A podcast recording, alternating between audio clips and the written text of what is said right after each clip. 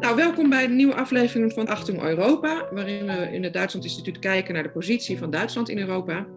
Ik ben Marja Verburg, ik ben redacteur van Duitsland Web, dat is het journalistieke deel van uh, de website van het Duitsland Instituut. En ik praat met Ton Nijhuis, de directeur van het Duitsland Instituut, uh, over Duitsland in Europa. Nou ja, wat we ervan kunnen verwachten. Ton, welkom. Hallo. Leuk dat je. We spreken elkaar, dat is ook goed om even te zeggen, uh, via Zoom. Um, dus wij zien elkaar nu wel, uh, maar daar worden dan audio-opnames van gemaakt. Nou ja, dit jaar zijn er Bondsdagverkiezingen in september. Um, en dat is, uh, daarna zullen we Merkel niet meer als kanselier zien. Zij zwaait af na 16 jaar. Um, naar wat voor Duitsland kijken we nu? Dus als we kijken naar Duitsland in 2021 en ook na het vertrek van Merkel. Je begint al gelijk met een hele moeilijke vraag.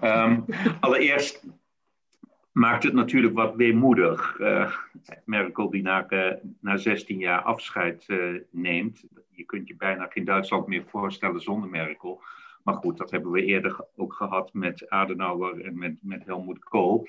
Dus dat zullen we ook wel weer overleven. Maar het, het opmerkelijke is natuurlijk wel dat de 16 jaar Merkel ook 16 jaar een succesverhaal van de Bondsrepubliek waren. Moet je voorstellen, rond 2000, 2004 was de Bondsrepubliek eigenlijk de zieke man van Europa. Het land dat met, met zijn rug naar de toekomst stond, dat nog steeds inzette op industrie, uh, terwijl alle moderne landen natuurlijk al lang over waren gegaan op finance en op dienstverlening. Uh, ze hadden bijna geen economische groei, er waren geen loonsverhogingen, de werkloosheid was hoog. Kortom, uh, Duitsland deed er eigenlijk niet meer zo toe. En op het moment dat uh, Merkel aan de macht komt in 2005, gaat het opeens met Duitsland ook een stuk beter. Dat is niet helemaal aan, aan Angela Merkel te danken. Belangrijke uh, hervormingen waren natuurlijk voor die tijd ook al doorgevoerd, ook door Gerhard Schröder. Maar het is toch zo dat, uh, dat, dat Duitsland toen vanaf dat moment eigenlijk een succesverhaal is geweest. Een succesverhaal van we hadden het moeilijk, maar door hervormingen door te voeren, door zuinig te zijn, door te bezuinigen, door te investeren in, in onderzoek, zijn we er bovenop gekomen. En dat is eigenlijk ook de manier waarop Europa er bovenop zou moeten komen. Ze hebben heel erg sterk geprobeerd dat verhaal uit te venten. Ja. En nu na 16 jaar zou je kunnen zeggen van, um, ja, dit, dit verhaal is een beetje, is met Angela Merkel ook aan zijn einde gekomen. Het Duitse succesverhaal van de, de, de, de economische motor van Europa, de, de, de klassieke industrie die het zo goed doet, ook dat verhaal is, ja, heeft zijn houdbaarheidsdatum bereikt. Duitsland staat nog voor hele grote opgaven. Uh, en die zullen na Merkel zullen die moeten worden opgepakt. En dan zou je natuurlijk kunnen vragen van wat, wat zijn die opgaven? Maar die liggen natuurlijk heel erg voor de hand. We hebben een paar jaar geleden natuurlijk enorme schandalen gehad rond uh, de dieselmotoren bij, bij, Volkswagen en andere Duitse uh, automobielindustrie. de automobiliteit moet gewoon anders. Uh, Tesla heeft het voortouw genomen met, met, met de elektromotor. Duitsland is, is daar laat pas op ingesprongen, moeten een veranderingsslag doormaken. Merkel heeft natuurlijk uh, de, de, energietransitie uh, door proberen te voeren, of in ieder geval daar de aanzet voor gegeven. Maar um, daar zal nog een hele slag gemaakt moeten worden. Niemand weet eigenlijk nog precies hoe we in, in, in, in, in tien jaar uh, die energietransitie ook daadwerkelijk kunnen doorvoeren zonder uh, in, in, problemen te komen. En nu al is de energieprijs in Duitsland de hoogste van Europa. Dus daar wordt ook nog, uh, daar, daar liggen grote klussen voor ons. Digitalisering, nou iedereen kent de grappen over Duitsland met, met zijn funklöcher. Ehm, dat is een, in, in vele opzichten, misschien is het wat uh, stereotyp, maar is het toch wat dat gaat nog een ontwikkelingsland. Daar moet een enorme slag worden gemaakt. Um, en zo kun je natuurlijk nog, nog, nog wel even doorgaan. We hebben, uh, Merkel heeft in 2015 uh, de grens wel opengegooid, maar eigenlijk de integratievraag en, en de migratievraag is ook voor Duitsland niet opgelost. Je, bedoelt, je doelt nu op de vluchtelingencrisis. Ja, ja. Precies. Uit Syrië. En, en dat, uh, dat, dat is nog steeds een, een, motivatie voor mensen ook om bijvoorbeeld AFD te kiezen. Dat zijn, dat zijn vragen die gevoelig liggen. Rechtsextremisme is, is een probleem daar moet aan gewerkt worden. De, zeg maar de modernisering van, van, van de democratie. Dus het, het, het gaat goed met Duitsland. Als je, als je, het zo schildert, is het net alsof Merkel een, een enorme puinhoop heeft achtergelaten, uh, of nu achterlaat.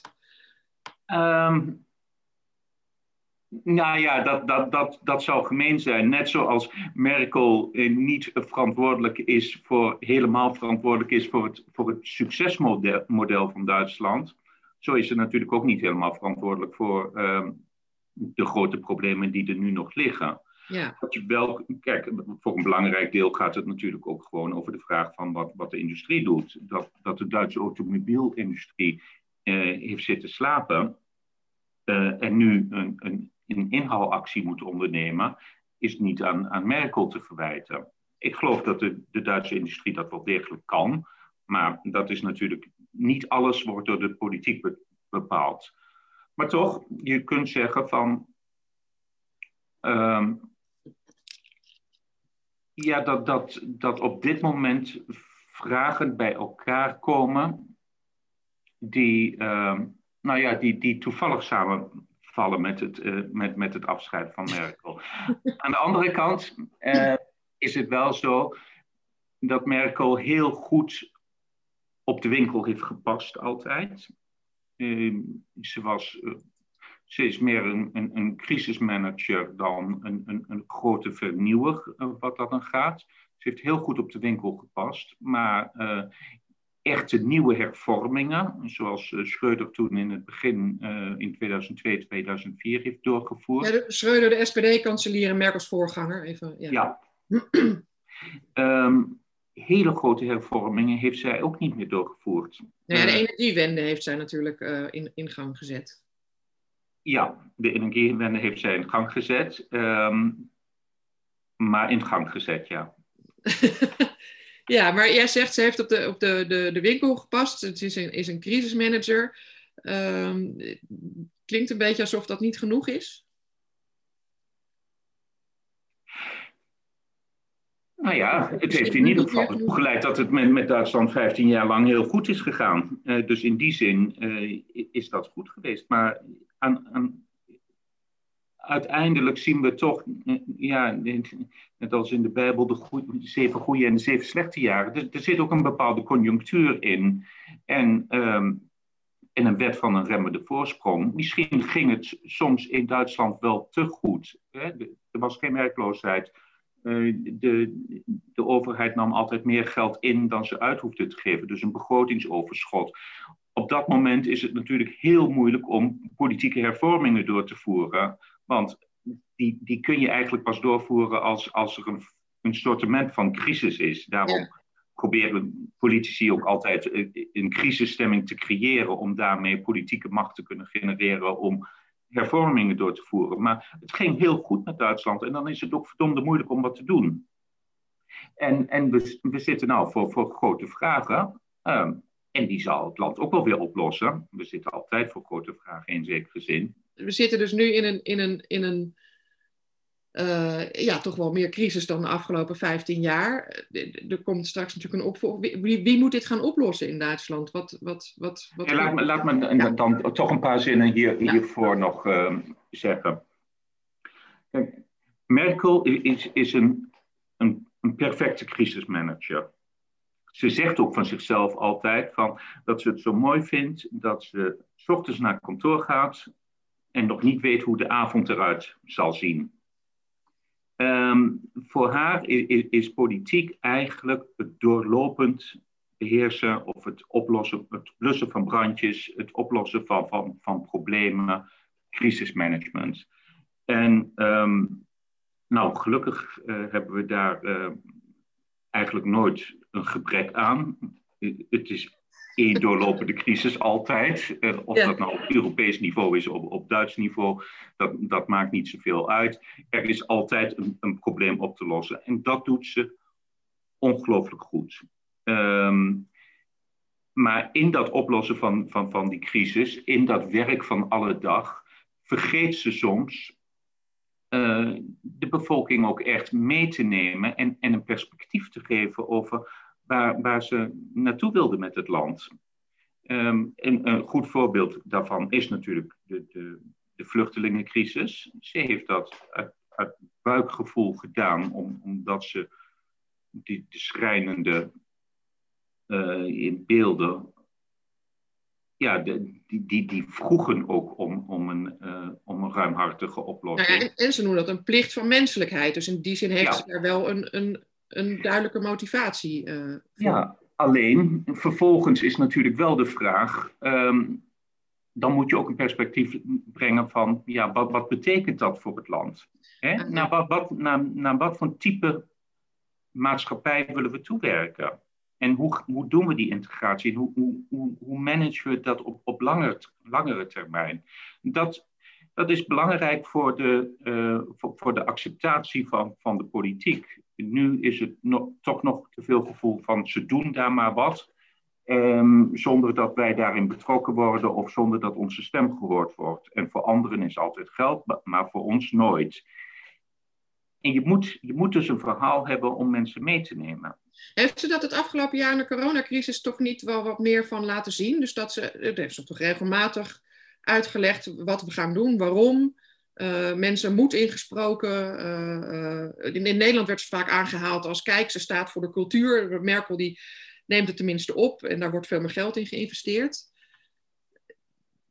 Ja, volgens mij de, de, de, de coronacrisis heeft, heeft, ze, heeft ze goed gemanaged. Um, in eerste instantie had Duitsland natuurlijk ook het voordeel dat, het, uh, dat de cijfers in de Bondsrepubliek beduidend lager lagen dan, uh, dan in de omringende landen. Um, maar daar, daar heeft ze met een gevoel van, van, nou, van, een, van urgentie, gecombineerd met uh, empathie, heeft, heeft ze de juiste toon weten te vinden. Ja we zien nu wel een beetje, vind ik, dat we dat het wel een, heel erg naar de negatieve kant gaat, zou je kunnen zeggen, in de zin van jongens, we komen er nog niet uit, het gaat nog langer duren, we moeten nog meer oppassen, uh, waardoor uh, het verhaal van wat, wat gebeurt er daarna en, en waar is het licht aan het eind van de tunnel soms een beetje op de achtergrond verdwijnt. Ik denk ook persoonlijk dat dat uh, ook electorale overwegingen heeft. Want uh, de bedoeling is natuurlijk dat twee weken voor de verkiezingen iedereen uh, ingeënt zal kunnen worden. Als je nu al te positief bent, dan kun je de winst dan niet meer wegnemen of binnenhalen. En op het moment dat je een paar weken voor de verkiezingen kunt zeggen van we hebben de klus geklaard, we hebben het gered dan is dat natuurlijk een enorme bonus die je eh, in september in de verkiezingen zou kunnen meenemen. Ja, deze discussie wordt natuurlijk nu in Nederland ook gevoerd over de verkiezingen in, uh, in maart. Um, maar goed, als Merkel dan dus straks uh, geen kanselier meer is, nadat er een nieuw kabinet is gevormd, um, dan is de vraag wie die, die, die, die problemen moet gaan oplossen, wie die, die visie of de, de mensen meenemen, wie dat moet gaan doen. Um, Armin Laschet, de minister-president van Noord-Rijn-Westfalen, die is vorige maand gekozen tot voorzitter van de CDU. Logischerwijs is dat dan dus ook de kanseliers van de kandidaat van de CDU. Zie jij hem die rol op zich nemen? Of hoe, hoe uh, überhaupt denk jij dat hij kanselier wordt? En, en zo ja, wat kunnen we van hem verwachten? Sorry, dit zijn dat drie zijn grote, dat, Ook dat zijn weer grote vragen natuurlijk. In ieder geval is hij uh, voorzitter van de partij geworden de vraag uh, wie, wie uiteindelijk kansel, uh, kandidaat uh, voor het kanselierschap wordt, dat, dat wordt na de verkiezingen in, in maart, 14 maart zijn er nog twee grote verkiezingen in Baden-Württemberg en Rijnland-Palace. Ja. wordt, wordt dat besloten.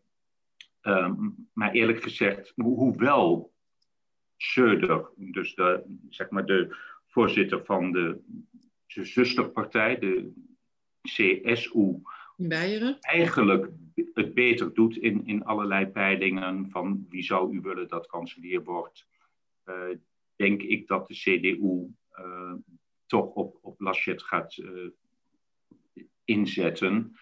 Um, de CD, CSU heeft in het verleden twee keer een, een, een kanselierskandidaat voor kunnen dragen. Dat was met, met, met Stoiber en daarvoor met, Strauss? met Frans Josef Strauss. Uh, maar dat waren twee keer verkiezingen die de CDU-CSU waarschijnlijk zouden verliezen. In dit geval, en daardoor konden ze als het ware vrij gratis zeggen tegen de CSU van nou doen jullie het maar. En dan, uh, hebben, wij er, uh, dan hebben wij daar vervolgens geen last van. Maar nu weten we zeker dat de, de kanselierskandidaat van CDU-CSU ook de bondskanselier wordt. Um, en dat weten we zeker vanwege de peilingen? Of hoe, hoe... Ja, de, de peilingen uh, zijn natuurlijk uh, nooit een garantie voor de, voor de uitkomst van verkiezingen. Maar de, de CDU-CSU ligt op dit moment is twee keer groter dan de tweede partij, de Groenen. En uh, er zullen nog wel wat verschuivingen zijn, maar dat de CDU eh, kleiner zou worden of even groot zou worden als de Groenen of even klein zou worden als de Groenen, dat, dat zit er niet in. Dus um, ik ga er vooralsnog maar van uit dat, dat Laschet dan de kanselier wordt. Nou, ja. Laschet die heeft ingezet op uh, continuïteit. Het, het, het, het model van, van uh, Angela Merkel voortzetten. Um, zowel in de binnenlandse politiek als in de Europese politiek als in de buitenlandse politiek. In die zin in de, in de goede Duitse traditie van uh, geen experimenten. um, en dat, dat zal hij ook doen. En Laschet is daarvoor eigenlijk ook een hele geschikte figuur. Het is een, een, een vriendelijke man, hij is verbindend. Uh, het lijkt eigenlijk heel moeilijk om ruzie met hem te krijgen. Uh, dus, en waarschijnlijk zal hij nog beter dan, dan, dan Merkel in staat zijn de verschillende vleugels binnen de CDU ook weer uh, bij elkaar te brengen. Ja, dus de, de, de, meer conservatieve vleugel en de meer liberale vleugel, die de afgelopen, zeker ook rond die voorzittersverkiezing van de CDU, toch wel clashten met elkaar. En eigenlijk, want die conservatieve vleugel is al heel lang ontevreden, ook onder Merkel. En Laschet is toch ook niet een conservatief. Dus in die zin zou het toch best moeilijk zijn voor hem om die ontevreden conservatieve mensen uh, binnen te halen. Maar jij denkt dat hij dat kan? Um, ja, ik denk wel dat hij dat kan. Um, hij, hij, hij, is een goede katholiek. Um, hij is verbindend. en hij heeft natuurlijk ook wel een, een, een conservatieve trek. Want wat hij natuurlijk wel probeert, ook als het gaat om hervormingen in, in Noord- en Westfalen, zeggen van, nou ja, je kunt niet zomaar de economie moderniseren of groener maken, uh, als dat volledig uh, ten koste gaat van, uh, van de werkgelegenheid of van, van, van het inkomen, van de welvaart van, van, van de mensen in het land. Dus in die zin uh, heeft hij zoiets van we moeten moderniseren, maar we moeten er ook voor zorgen dat, dat, uh, mensen, dat we daar mensen meekrijgen en, en dat mensen niet te veel schade ondervinden. Natuurlijk, Merz, de andere kandidaat voor het voorzitterschap, die heeft zich geprofileerd als, als uh, de, de, de, de van, van, van de conservatieve vleugel van, van de CDU. Um, maar Laschet pakt dat gedeelte alweer redelijk op. En, en hij was vooral, hij is natuurlijk binnen, hij is een, een, een man van West-Duitsland, van het westen van het westen, extreem west zelf, zelfs. Uh, hij komt uit Aken, uh, dus, dus helemaal aan de grens, is, is, is francofiel, maar ook heel erg op Nederland en de Benelux gericht kent het Oosten eigenlijk wat, wat minder. Maar het eerste wat hij nu natuurlijk heeft gedaan als, eh, als voorzitter van, van CDU is naar Saxe gaan. Wel virtueel nog, maar, maar toch om te laten zien, uh, mensen, ik ben er ook voor jullie. En dat, dat, is, dat is goed aangekomen. Hij, hij heeft die kracht wel. Ja, Hij, hij heeft dat verbindende, zeg jij, wat ook nodig is uh, uh, voor, de, voor de broodnodige veranderingen. Tegelijkertijd, wat je net eigenlijk min of meer ook aangaf, is dat veel van die veranderingen uh, moeten plaatsvinden nou ja, binnen het bedrijfsleven, bij de economie. Ehm, denk je dat, zie je dat gebeuren? En, en um, ja, zie je dat gebeuren? Ja, ook, ook hier is, is, is Laschet eigenlijk wel een interessante figuur. Um, omdat hij één, uh, heel anders dan uh, Angela Merkel, is het vooral een, uh, een politicus met een economisch profiel. Dat was eigenlijk helemaal niet het dingetje van, van, van Angela Merkel. Natuurlijk heeft ze zich veel met economie moeten bezighouden, maar dat was ze niet van huis uit. En, en Laschet heeft zich altijd als een economisch uh, uh, politicus beschouwd. En hij heeft als uh, minister-president van Noord-Rijn-Westfalen heeft hij een, heeft een deelstaat gekregen, wat bijna zo belangrijk is als een kwart van de hele Duitse economie, die economisch gezien het op dat moment heel slecht deed. Het was het Schlusslicht, zou je af Duits zeggen. Uh, het, het, hun econo de economische groei van, van Noord-Rijn-Westfalen was eigenlijk de, in, ongeveer het slechtste van heel Duitsland. Laschet werd minister-president van, van, van een land, of van, van, van een deelstaat, dat, dat het economisch niet meer goed deed. Wat, wat een klassieke industrie had van nou, uh, nou, de kolen was al voorbij, maar in ieder geval nog de bruinkool, uh, grote energiebedrijven, staalindustrie, vrij oude chemische industrie. Allemaal natuurlijk economische sectoren die, die in de problemen zaten. En hij heeft daar al, als, als ook een soort van crisismanager, heeft hij het land er toch weer redelijk bovenop gekregen. Het, uh, Noord-Rijn-Westfalen doet het op dit moment een, stuk beter. Wat hij, waarin hij ook in is geslaagd, is bijvoorbeeld de, digitalisering goed op de agenda te zetten door die uh, in één hand te geven. Want dat is een probleem op dit moment natuurlijk in, in, in, in Berlijn als het gaat om de nationale politiek, dat die digitaliseringsagenda zit bij verschillende ministeries die met elkaar aan het vechten zijn over wie eigenlijk de meeste competenties heeft. En in plaats van samen aan, een digitaliseringsmodernisering te werken, zitten ze elkaar meer de tent uit te vechten dan, uh, dan dat ze echt wat doen. Nou, als, als Laschet dat model wat hij in, in Noord-Rijn-Westfalen heeft toegepast, ook in Berlijn zou kunnen toepassen, dan zou dat al een enorme winst zijn. Dus in die zin, juist omdat hij zo'n economisch profiel heeft, zou Laschet een, een, belangrijk deel van, van de grote vragen waarvoor Duitsland staat, van de transitie van de economie die ze de komende tien jaar moeten doormaken, uh, zou hij wel eens een goede persoon kunnen zijn. En als we dan kijken, want daar gaat deze podcast natuurlijk ook over, naar Duitslands positie in Europa en, en, en groter ook in de wereld, vanuit Europa en de wereld. Um, dat zijn natuurlijk ook grote opgaven die, die, uh, die daar op allerlei terreinen zijn. Um, heeft hij qua veiligheidsbeleid of internationaal profiel, of, of, of, nou ja, überhaupt nog even los van Laschet, wat, wat moeten we daar wat Duitsland betreft uh, verwachten? Dit is een hele raar geformuleerde zin.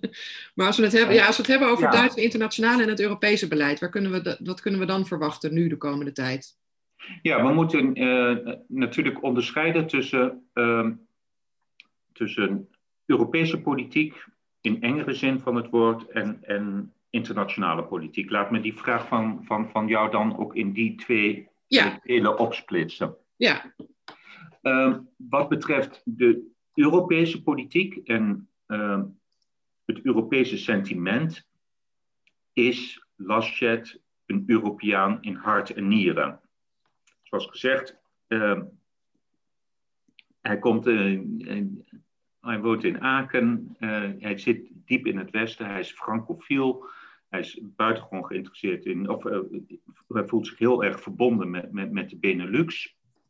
Bij hem zit het Europese zit vanaf, nou ja, vanaf zijn socialisatie zit dat in, in, in zijn bloed. Wat Merkel eigenlijk vanaf het begin helemaal niet zo had. Merkel is langzamerhand in die Europese rol gegroeid. Dus ja, als, als Oost-Duitse uh, natuurkundige uh, met een hele andere Ja, en, en een Oost-Duitse traditie. Zij is gesocialiseerd natuurlijk in een land wat geen lid was van, van de Europese Unie. Slapend lid economisch. Maar uh, Laschet heeft dat, heeft dat heel sterk. Hij is ook zeer westers georiënteerd altijd daardoor geweest. Uh, kent Oost-Europa, wat dat gaat, juist weer iets minder dan, uh, dan Angela Merkel. Dat heeft voor Nederland heeft dat bepaalde voordelen en, en, en risico's. Het is voor ons is, is Laschet een, een, een, hele goede gesprekspartner, omdat hij Nederland ook altijd op zijn netvlies heeft staan, wat, wat in Berlijn niet per definitie het geval is. Uh, maar natuurlijk is hij ook heel francofiel. Um, en dat betekent dat de Frans-Duitse as voor hem ook altijd centraal zal zijn. Als, als Nederland uh, erin slaagt om met die Frans-Duitse as om te kunnen gaan, ligt daar in ieder geval, liggen, liggen daar voor ons goede mogelijkheden om ook in de komende jaren uh, met Laschet vorm te geven aan, aan de Europese politiek. Um, dus in die zin denk ik dat, dat Laschet wel uh, uh, niet alleen bijdraagt of een, een, zorgt voor continuïteit in, in, de, in de Duitse Europese politiek, maar daar ook nog wel een extra impuls aan zou willen geven. Wat de internationale politiek betreft. Uh, maar als ik nog heel even terug mag, om ja. nog iets meer over Europa, voor, want met de internationale politiek kunnen we dan zo meteen afsluiten. Want wat we gezien hebben, Duitsland was het afgelopen half jaar voorzitter van de, van de Europese Unie. Dus in, onder, in het Duitse voorzitterschap daar waren grote verwachtingen aan. Merkel die uh, als, als laatste jaar of als laatste voorzitterschap van haar kanselierschap wil natuurlijk uh, wat bereiken. Uh, von der Leyen, de voorzitter van de Europese Commissie, is een Duitse. Merkel en von der Leyen kennen elkaar goed. Dat Duitse voorzitterschap. Er is ook veel bereikt. ze hebben akkoord gesloten over die, dat coronanoodfonds, het meerjarenbegroting nieuwe afspraken gemaakt over terugdringen van CO2-uitstoot. En op het eind ook nog een, een handelsverdrag met China. Dat zijn allemaal dingen die, die, die um, deels ook aan Merkel hangen.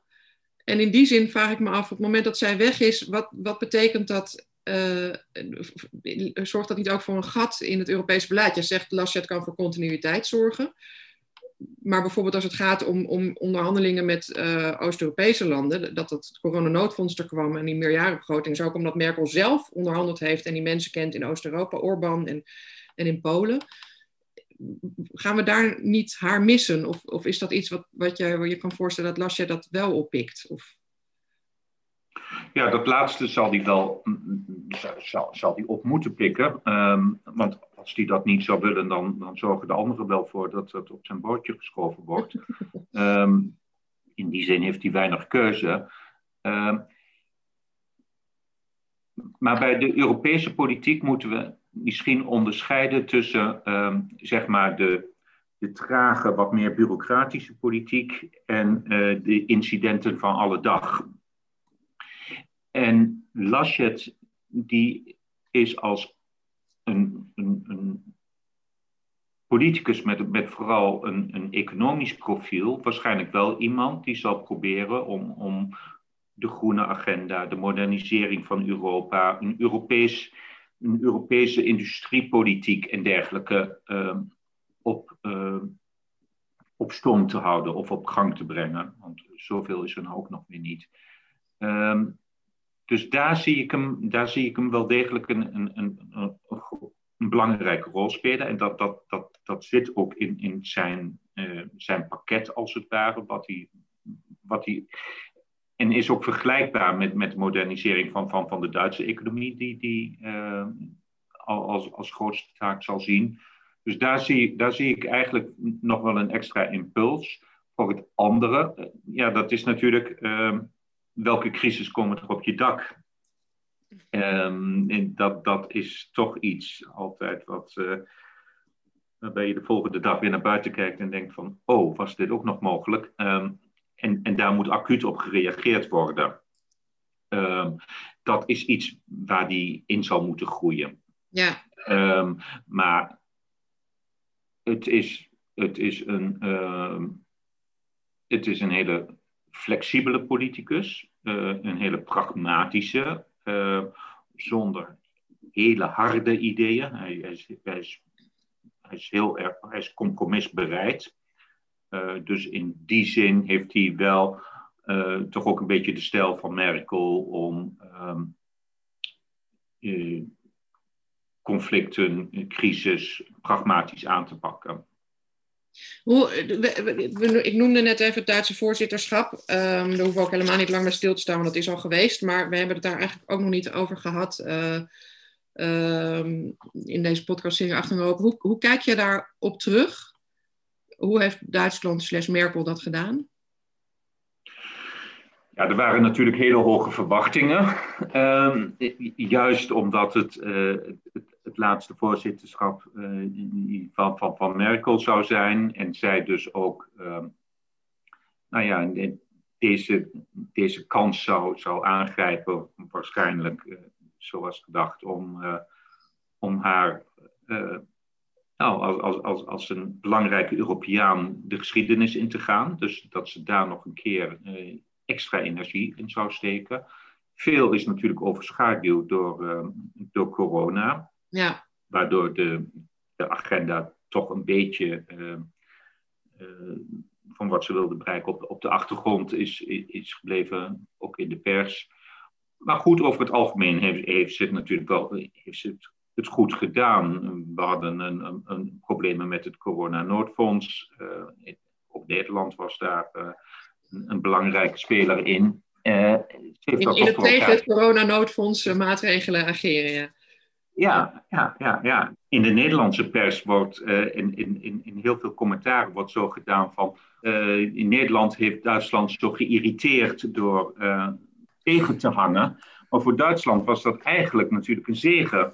Aan de ene kant hingen wij tegen, maar op een manier die de Duitsers eigenlijk wel zinden, waardoor hun speelruimte groter werd. En tegelijkertijd konden zij zich uh, profileren als de goede Europeanen die bereid zijn om extra geld voor de arme landen uit te trekken. Dus in dit geval een keer geen Hitler-snorretjes voor Angela Merkel. Dus ze had een uh, paar lastige gesprekspartners, laten we maar zeggen. Uh, ze is daar goed uitgekomen in ieder geval. Het, het, het staat er. Ja. Dat, dat heeft ze goed bereikt. Uh, de, de meerjarenbegroting is ook altijd zo'n vraag van, uh, die, uh, die ongelooflijk moeilijk is. Ook dat heeft ze er uiteindelijk doorheen gekregen.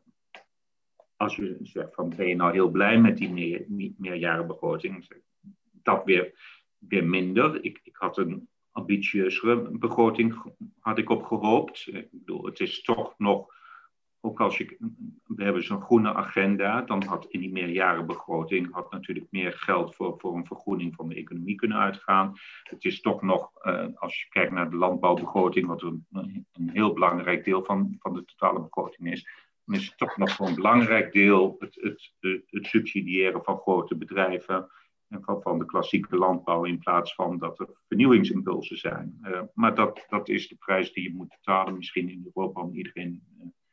Erbij te houden. Maar in de algemene zin, eh, er waren genoeg bananenschillen, er waren genoeg eh, plekken waar je kon, kon struikelen. Um, en ze heeft Europa het, dit half jaar bij elkaar weten te houden in een, in een situatie die, die echt moeilijk was. En dat heeft ze ook met corona gedaan.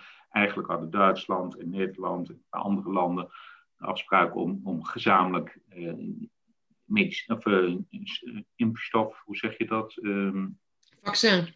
Vaccins uh, in te kopen. Zij heeft gezegd, nee, dat moeten we niet doen. Dit moeten we Europees gaan aanpakken, want we mogen de kleinere en de arme landen mogen we niet alleen laten zitten. Dat, dat, dat zou niet solidair zijn. Dus ook op die manier heeft ze geprobeerd om Europa bij elkaar te brengen. En dat, dat is ook gelukt. Dat vervolgens in Brussel dat niet helemaal goed gemanaged is, dat, uh, dat zal ik haar niet aanwrijven. Dus ik denk dat, uh, dat, dat, dat, we met, dat, dat Duitsland terug kan kijken op een, uh, op een na gegeven de omstandigheden succesvol voorzitterschap, laat ik het zo zeggen. De Europese Unie onder Merkels, of Duits het voorzitterschap, en in die zin ook Merkel, op de laatste dag van het voorzitterschap nog heeft bereikt, is een deal met China, een handelsakkoord, uh, om, om, die, om die handel heen en weer, of, de, de, ja, de handelsbetrekkingen uh, makkelijker te maken tussen Europa en, en, en China. Um, daarmee maken we eigenlijk een bruggetje naar die internationale politiek. Um, want er is ook best veel kritiek geweest op die handelsdeal met China. Moet je dat nou wel of niet doen? Hoe kijk jij daarnaar? Ja, het was natuurlijk duidelijk dat uh, Angela Merkel erop gebrand was om, om nog tijdens het voorzitterschap om, uh, deze deal te sluiten, zodat zij die ook op haar konto kon, kon wegschrijven. Zij heeft zich daar altijd enorm hard voor gemaakt. En uh, nou ja, dan is dit toch het, uh, de kers op, op de taart die ze, die ze kon krijgen. Daardoor is, is omdat er zoveel tijdsdruk op zat uh, in december, is, het wel heel snel gegaan. En ja, naar mijn mening hebben ze dan toch uh, te weinig oog gehad voor, voor, voor de mensenrechten situatie in, in, in, in, China. En denk aan de Oeigoeren, maar denk ook aan, aan, aan de situatie in Hongkong. Ja, dat, het feit dat, dat was in, in juli vorig jaar, of in juni, dat, dat China de vrijheden van Hongkong verder heeft ingeperkt. Uh, de Oeigoeren die, die daar in, in China dwangarbeid verrichten. In principe is in dat akkoord zijn afspraken gemaakt uh, over het terugdringen van dwangarbeid. Ik zie je nu al een beetje lachen. Ja, ja de goed, die, die, die zijn natuurlijk boterzacht. Um, ja. Ehm, en um, ja, zelf zou ik liever zien dat, dat Europa in dit geval samen met de Verenigde Staten zou optrekken om een, een gemeenschappelijk antwoord te geven op, uh, op de Chinese uitdaging. Terwijl het er nu een beetje op lijkt dat Trump zijn eigen oorlog heeft gevoerd en, en uh, dat we naast die oorlog zelf een deal met, met, met China konden sluiten. Maar ik denk dat het op termijn, want China wordt natuurlijk steeds machtiger, maar niet steeds democratischer. Dat, dat het beter voor de westerse wereld zou zijn geweest als we een gemeenschappelijk antwoord hadden gevonden. En, en nu, we hebben nu Biden als president in de Verenigde Staten. Wordt het daarmee makkelijker voor Europa uh, om, om dat soort. Of, of nou ja, in, in, ieder geval, in ieder geval valt er met Biden te praten. Uh, een, een, een, een normaal fatsoenlijk gesprek voeren met Trump was, was buitengewoon ingewikkeld. Um, en, en, en, Biden is wel, wel bereid om, om, om met Europa te praten. Maar dat neemt niet weg dat uh, de conflictlijnen nog wel steeds daar liggen waar ze liggen. En Europa doet echt te weinig voor de eigen verdediging. Um, en, en zal, ook een, een sterke partner moeten zijn voor de Verenigde Staten als het gaat om een, een, een Rusland-politiek, een China-politiek, et cetera. Dus wat, wat wij als Europa eigenlijk zouden moeten doen, is ons niet afvragen wat kunnen de Amerikanen voor ons doen, maar hoe kunnen wij ook een goede partner voor de Verenigde Staten zijn om gemeenschappelijk uh, de uitdagingen van, van de 21ste eeuw aan te gaan. En, daar, daar is, is, is dit China-verdrag is, daar niet het, beste voor, voorbeeld van. En dat geldt natuurlijk ook voor, uh, voor Nord Stream 2, eh, waarin eh, Duitsland blijft hameren op, op het argument dat dit een puur privaat uh, economisch ja, misschien kort toelichten, Nord Stream 2, dat is de gaspijpleiding van, uh, die van Rusland uh, door de Oostzee naar Duitsland voert. Um, afgelopen zomer, na de vergiftiging van de opposi Russische oppositieleider Navalny, waar overigens, daar, heeft Duitsland heel, zeker Merkel, maar ook andere politici in Duitsland heel hard op gereageerd en daar Rusland de schuld van gegeven, de Russische regering. En een van de discussiepunten die toen opkwam is, we moeten eigenlijk dat Nord Stream 2 stopzetten, ook hardere sancties tegen Rusland uh, uitvoeren, maar in principe is dat dus nog niet gebeurd. Uh, nee, maar goed, Nord Stream 2 speelde natuurlijk al, al, veel langer en het verzet daartegen is ook al veel ouder, want een belangrijk geopolitiek argument van, van of overweging van, van, van, van Poetin of van de Russen was natuurlijk dat uh, nu het grootste deel van, van de, het gas nog door Oekraïne loopt. Met twee consequenties: dat de Russen Oekraïne veel moeten betalen voor, voor het doorvoeren van het gas. En je weet dat, uh, dat de verhouding tussen Oekraïne en, en Rusland buitengewoon slecht is. En, en dat ja. het oosten van de Oekraïne eigenlijk min of meer in, in half in Russische hand is. Um, dat Rusland daar ook min of meer eigenlijk een, een oorlog heeft gevoerd en nog steeds voert. Um, maar de andere overweging is natuurlijk ook dat Rusland zich nu geen, uh, geen problemen in de Oekraïne kan veroorloven. Want als, als, als daar uh, het geweld verder uitbreekt, dan zou dat ook de gastoevoer kunnen blok, of, in gevaar kunnen brengen.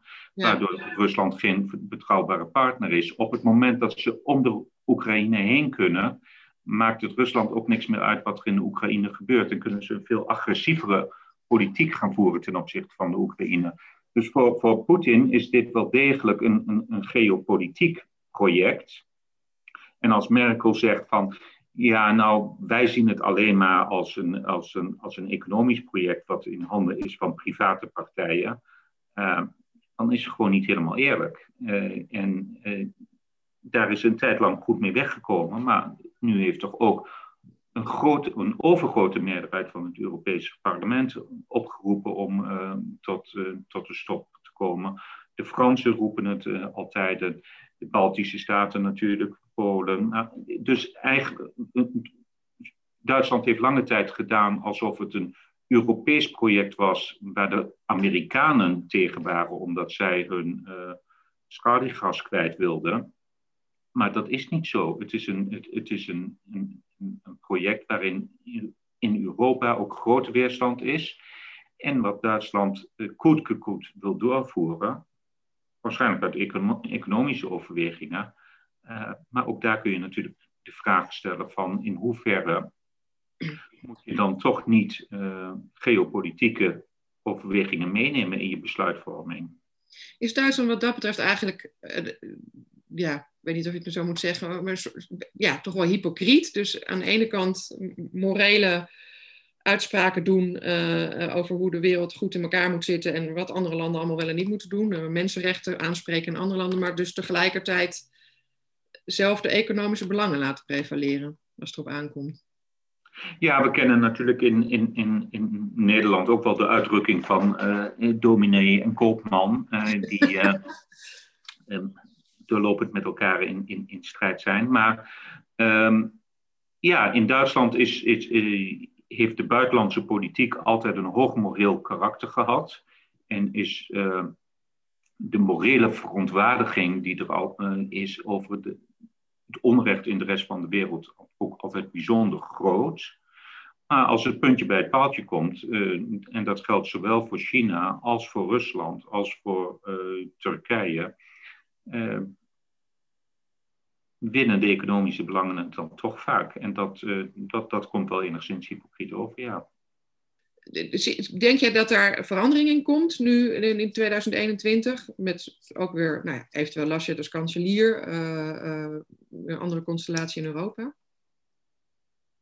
Nee, dat denk ik niet. Um, Laschet heeft niet een, een heel duidelijk uh, buitenlands politiek profiel. Want hij is natuurlijk ook eh, minister-president en, en van een Bundesland. Uh, en dus hoeft zich ook niet zo met de internationale politiek eh, bezig te houden. Maar heeft in het verleden uh, heeft hij zich altijd wel een beetje geuit als een, uh, als een Poetin en een Rusland, Rusland versteer, zoals we in Duits zeggen. Dus, um, en um, voor Laschet, uh, ik heb al gezegd, is, is, is een, een politicus met, met een sterk economisch profiel. Dus die, die, die uh, het belang van, van, van, van de Duitse industrie en van werkgelegenheid en van groei en welvaart uh, natuurlijk centraal stelt. Dus ook van Laschet moet je verwachten dat, dat de koopman het gaat winnen van de dominee in deze Ton, heel veel dank voor de tijd die je hebt genomen om ons te vertellen over nou ja, de Duitse rol in Europa en wat we de komende tijd kunnen verwachten na het vertrek van Merkel. Ehm, luisteraars, heel veel dank Bedankt voor het luisteren. En uh, Ton, jij blijft nog even zitten, want we praten nu nog even door over, we praten nu door over de, de, de coronacrisis. Hoe, of, of Duitsland is veranderd door de coronacrisis en of onze kijk op Duitsland daardoor veranderd is. En we praten ook nog even door over de Nederlands-Duitse betrekkingen, hoe die door corona zijn beïnvloed. Uh, en dat gesprek, luisteraars, dat kunt u in de volgende aflevering van deze podcast luisteren. Tot dan!